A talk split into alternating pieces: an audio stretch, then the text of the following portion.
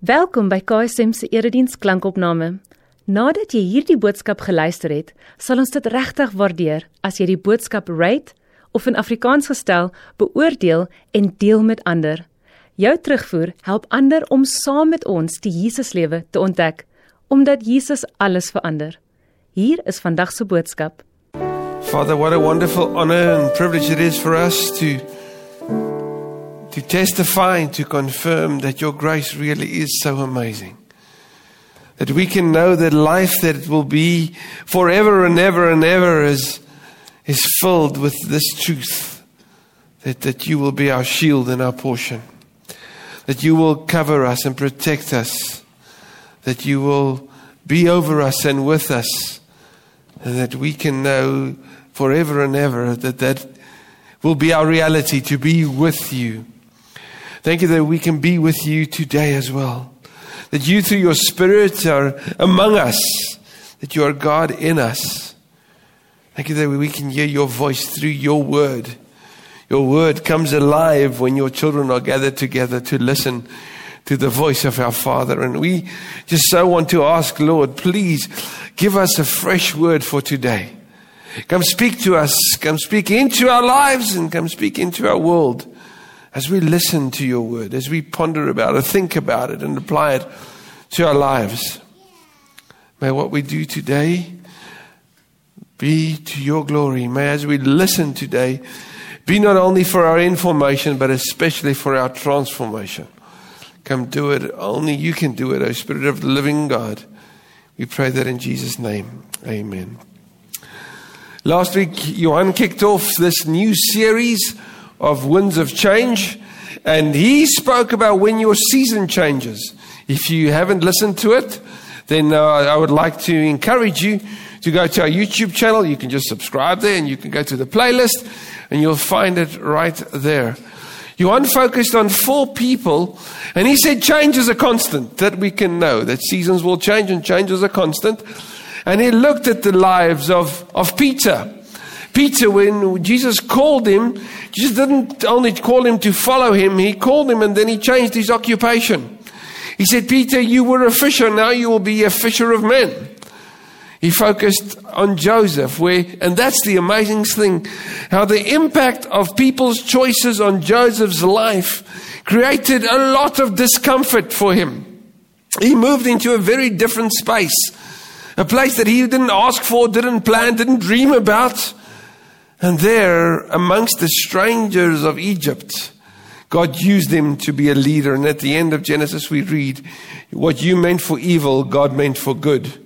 And we saw that in Joseph's life. He then focused on Paul, where Paul, who came out of a life of, of comfort and authority, a place where he could call the shots, where he was the religious police of his day where, where when God called him, he changed his whole life. He changed the focus of his life. And Paul would give his life in servanthood for the church. And he planted the churches of those days. And I mean, he wrote nearly half of the New Testament. And then lastly, he focused on when seasons changed for Solomon. And God chose him as king. And the first thing that Solomon asked for wasn't wealth, wasn't authority, wasn't position was for wisdom. And Johan ended off saying, when your season changes, and it will change, remember to start with wisdom, to ask for wisdom. And God will guide you, as He promises in the book of James, that if you ask for wisdom, He will give it because He gives it without limitation to all who asks. And today, at the table of grace, at the table of communion, community with God, community with one another, we're going to focus on our second theme when our table changes.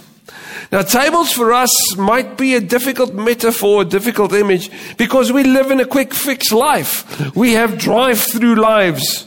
We buy liquidized, you know, dinners or, or lunches. We don't have time to go and stop and, and share a meal with someone. You catch it on the run. I've often seen people at the robot trying to finish off what seemed to be a, a lunch because we don't find or make time to just sit and make an event of it. And in the biblical times, there was an event. I mean, sharing a meal meant you said to the world, I share my life with this person. I identify with this person. And what the people of the Bible did, especially the Jews did, they used this as a wonderful way to say, well, we're holy and they're not. We're pure and they're not. They're the unpure. So they're not welcome at our table. So they used the table as a place of separation. But the table in Jesus' life, and especially in the Gospel of Luke, was very, very significant. Some would say that the Gospel of Luke is the Gospel of the table. Not less than 10 times we read of Jesus being present at a table.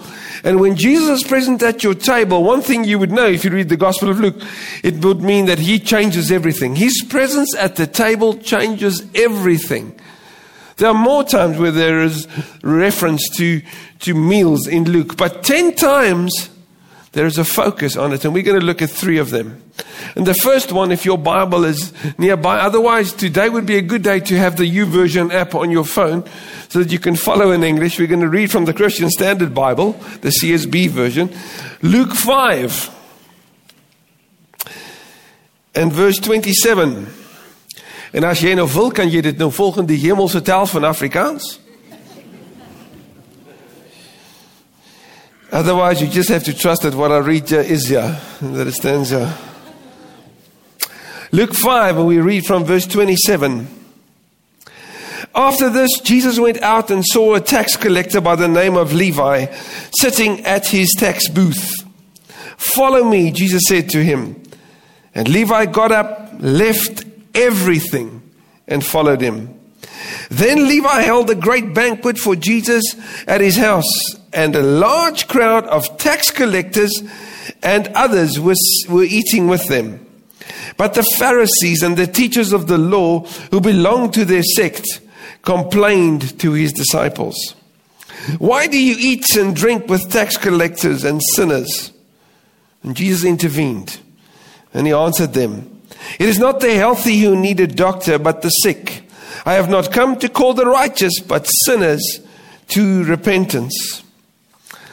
Levi, the man that we read of as a tax collector, but he's got this name Levi, which meant that at his birth, on the eighth day of his life, the day of his circumcision, would be the name where his name would be meant, would be said for everybody. That's the name he would be called by. I can imagine that proud father saying, This is my son Levi.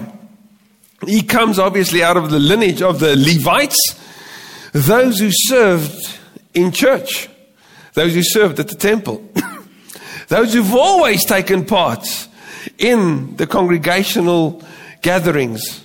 So, in other words, this is my son Levi, called to serve, called to be there for, that, for others.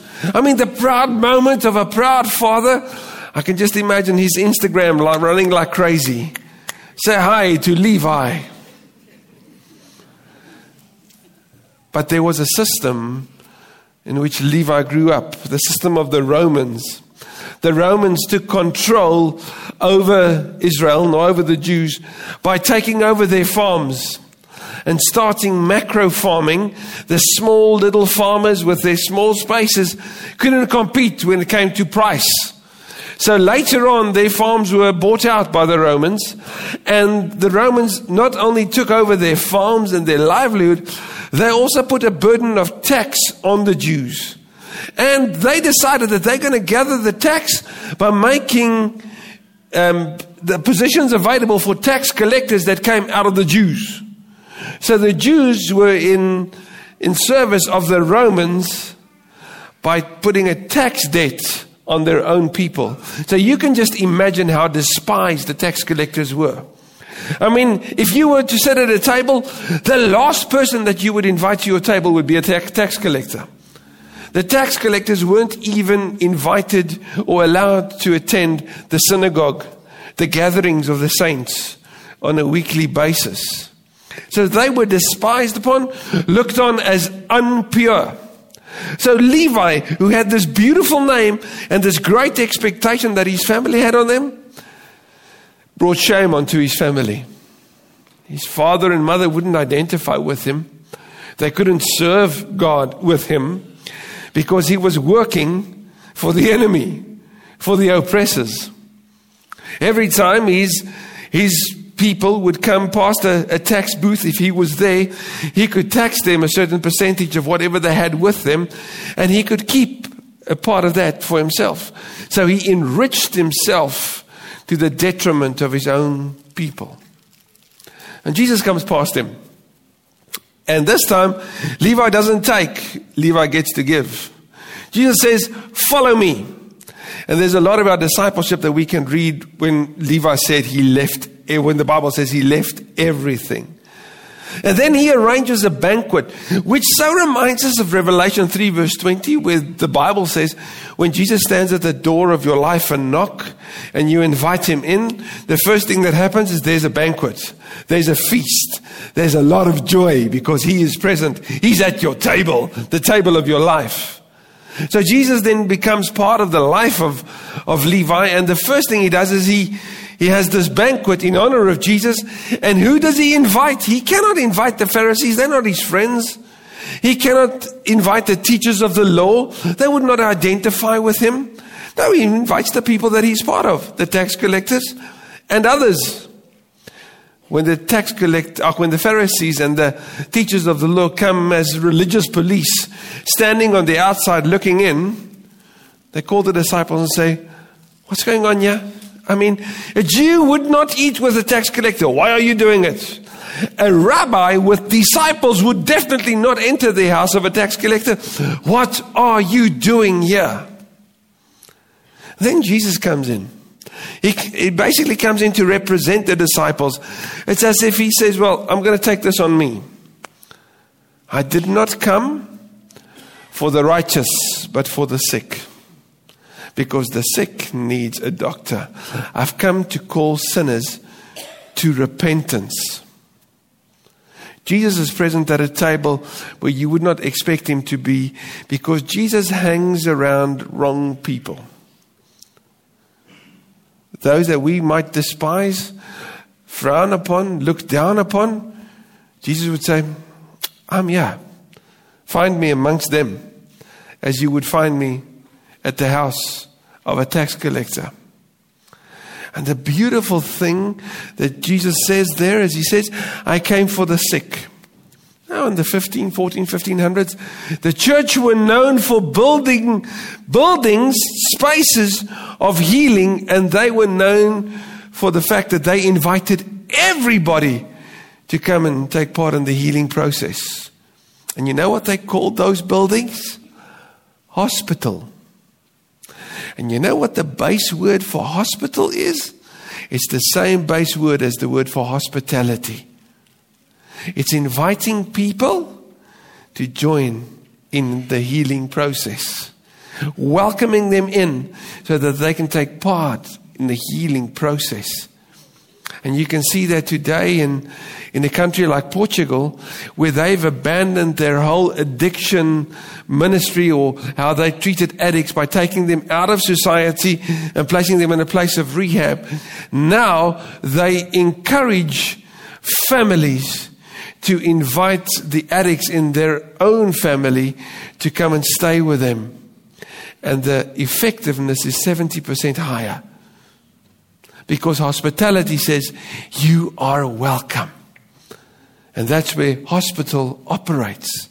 Inviting others in, and Jesus says, so that they can be healed. He came for sinners to be called to repentance. Which again puts another focus on what Jesus came to do is to heal us what?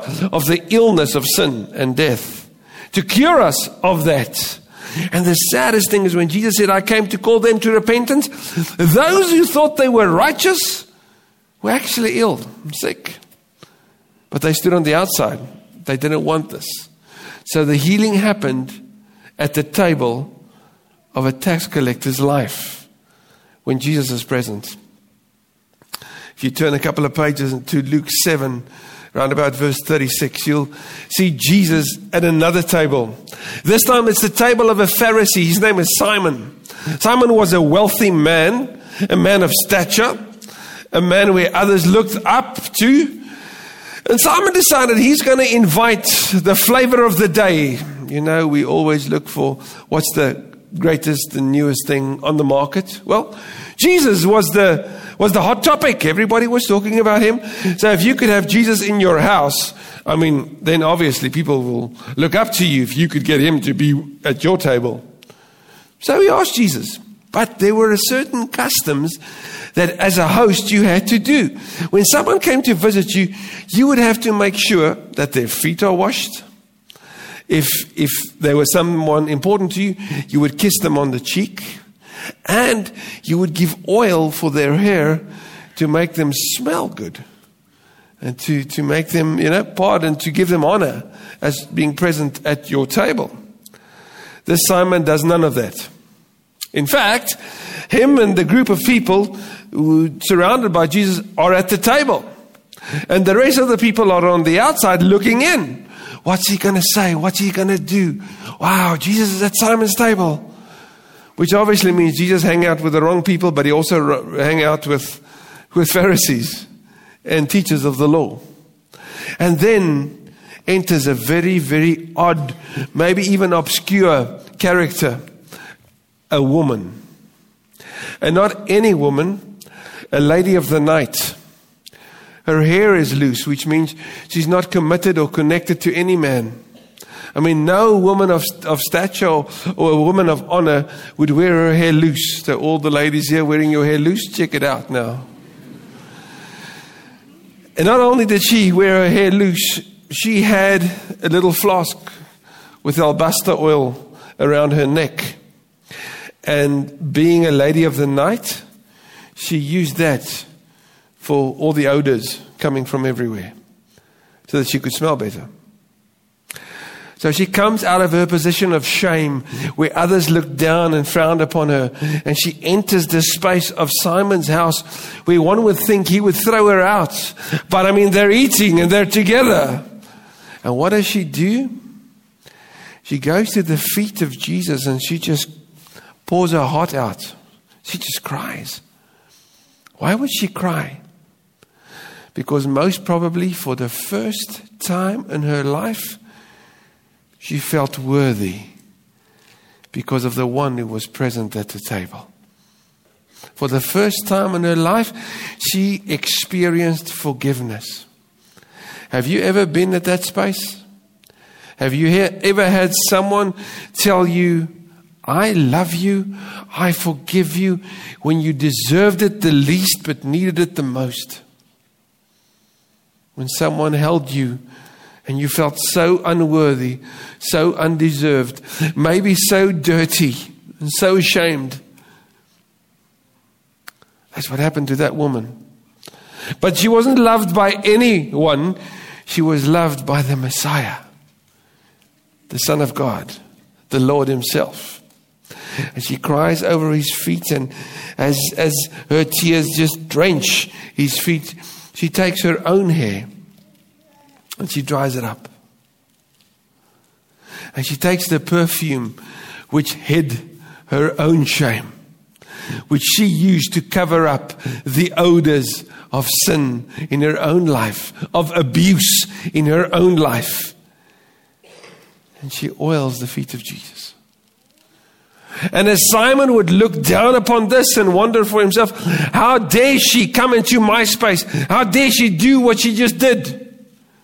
Jesus, just as he did in John chapter 8, he changes the whole situation where he says, Simon, hold on. Did you take care of my feet? No, she did. Did you give me a kiss? No, she was here. Then were you devoted to me or did you honor me in any way? No, you weren't. You weren't hospitable in any way. I didn't have any hospitality from your side towards me. You know what? Not only did she do so good to me, her life is shown as true devotion and worship to God. Amongst all of you pretending to be the religious devoted towards God, this is how it looks a sinner crying at the feet of the Messiah, a sinner crying at the feet of Jesus. And then Jesus declares her forgiven. Which is odd because all of them wanted to hear that and needed to hear that, but they didn't. So, who is the one who walks away from that table, being in righteousness, being in right standing with God? The one most unworthy. That's exactly what happens in John 8 when they wanted to stone that poor girl. Nothing is said about the guy. I mean, there's a, a good argument to say that maybe this whole thing was set up so that they could bring shame upon Jesus to hear what he's going to say. So this girl was nothing else but a, a figure that they used for, for their advantage, trying to get Jesus into a corner. And what did Jesus do after shame came upon her? He said, Let the one with no sin throw the first stone. And then, if you can read that scripture, you'll see that, that the first ones to drop their stones are the leaders of the family and the Pharisees and the teachers of the law. They walk away declaring themselves as sinners. And what does Jesus tell her? She's forgiven. She can go and sin no more. He didn't tell her go and sin, don't sin again, because she's forgiven. Go and live freely. He has reinstated her into society. She is now free. When Jesus is at the table, grace appears and it changes everything. The last chapter of the book of Luke, it's Resurrection Sunday. And where would you find Jesus after he rose from the, from the dead? Walking into Jerusalem and say, Hi, how are you doing, Pilate? I'm back. No on the way to Emmaus, the road where Cleopas and his wife are walking, probably distraught after what happened, because they didn't know that Sunday came. They didn't know that the grave was empty. They thought that Jesus would come and save them from the oppressive Romans. Walking away, thinking about what happened on that extreme Friday, seeing them flocking Jesus where he died. You're maybe hearing the voices, Father, forgive them, for they know not what they do. Walking away, thinking that it's ended, not understanding what this was all about. And Jesus comes and he joins their conversation. He walks with them, and they're while they're walking to Emmaus, some think that the, the area around them, I mean, Mount Sinai, are there. So they can walk and look at the, the area amongst, the, you know, around them that tells the story of God and God's salvation and God's, God, God's covenant with His people. And we find that Jesus sharing knowledge with them doesn't change their life or their lives. They're not changed by it. No. But when they come close to their home, they invite him in, and Jesus, the guest, becomes Jesus, the host. And at this table, everything changes when he breaks the bread and they see his wounds and their eyes open. And the first thing that they do after being at the table with the resurrected Christ is run back 10 Ks in, in the quickest time ever. And what do they say to the disciples? He's alive! We saw him. You see, Jesus becomes present when we break bread together in his presence. Jesus becomes visible in the breaking of bread amongst these people. At the table of grace, when we break bread, Jesus becomes visible. And that's what this table of grace is. It's looking back and remembering what he did for us, inviting us, pardon me, to his table, inviting us to come and sit, just as he did for Judas. So he does for you and me. Come sit at my table. There is place for you at my table. Come be with me. I invite you to come and partake. When you think back of what he did for you, what he paid on that terrible Friday, and the beauty of what happened on that Sunday, when you think of what grace really means, that it's for you and for me, let us not forget that it's an open invitation for all to come and sit at the table. Here at the table, we look around us and we see others, those that have tasted grace, those that have been with us through difficult situations in our life, they've cried with us, with us, laughed with us, been with us, challenged us, took care of us. Those who share at this table of grace. Those are the people that with us should invite others to join. Because God's love has often been in our lives because they were there. So as we look around us, let's remind ourselves that the table of grace is shared amongst those who've tasted it. As the psalm says, taste and see that the Lord is good. Here at the table of grace, we look up we look up and we wait for the, for the wonderful king who says, I'm coming again, I'm coming back. And he said that I will not partake of this meal until it's had its full meaning, until it's come into fruition. See, one thing that we know about heaven is there's going to be a meal, there's going to be a banquet. And those that are invited, that receive the invitation and that said, I want to be there, they'll be going to be there. They're called saints. But it's at this table where we look down and we think of all the forgiveness we've been granted, not because we've done anything right, because we don't deserve it. We so often tell each other that, hey, well done, you got a promotion, you deserve it. No, we don't deserve anything. It's not how can God send anyone to hell? It's actually how is it at all possible that God can save any person? He did it through the cross. And if it wasn't for the cross, we would never know how much He loved us. We would never have known how serious God is about sin and about His love for us, and that He wanted to spend eternity with us. That's why we look down in thanks. And today we can say, God, thank you for inviting me at your table because when He is present at the table, everything changes. And I want to invite you today to the table. Come and take part with us. If you confess Jesus to be your Lord, you're welcome. If you confess Him to be your Savior, you're welcome. Come sit at the table and share in the feast.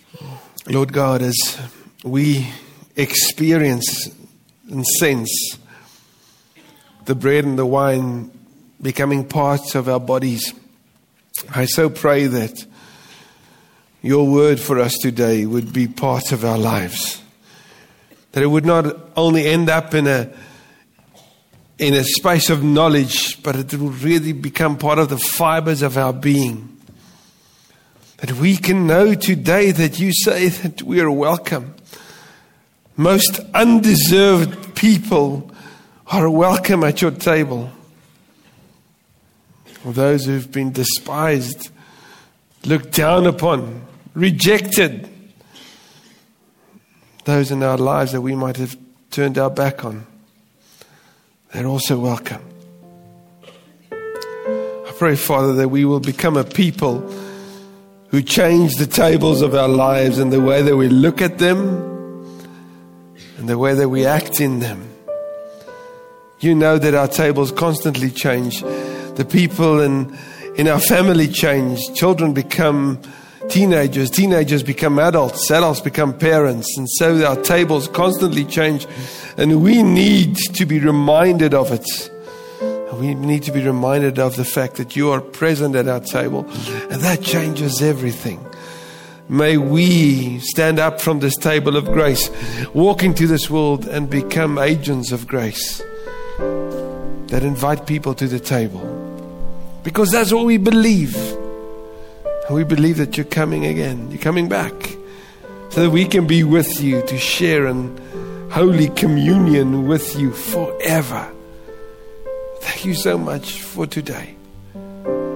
May what have happened, what has happened to our lives, may it be with us forever. That's what we believe. That's what we confess.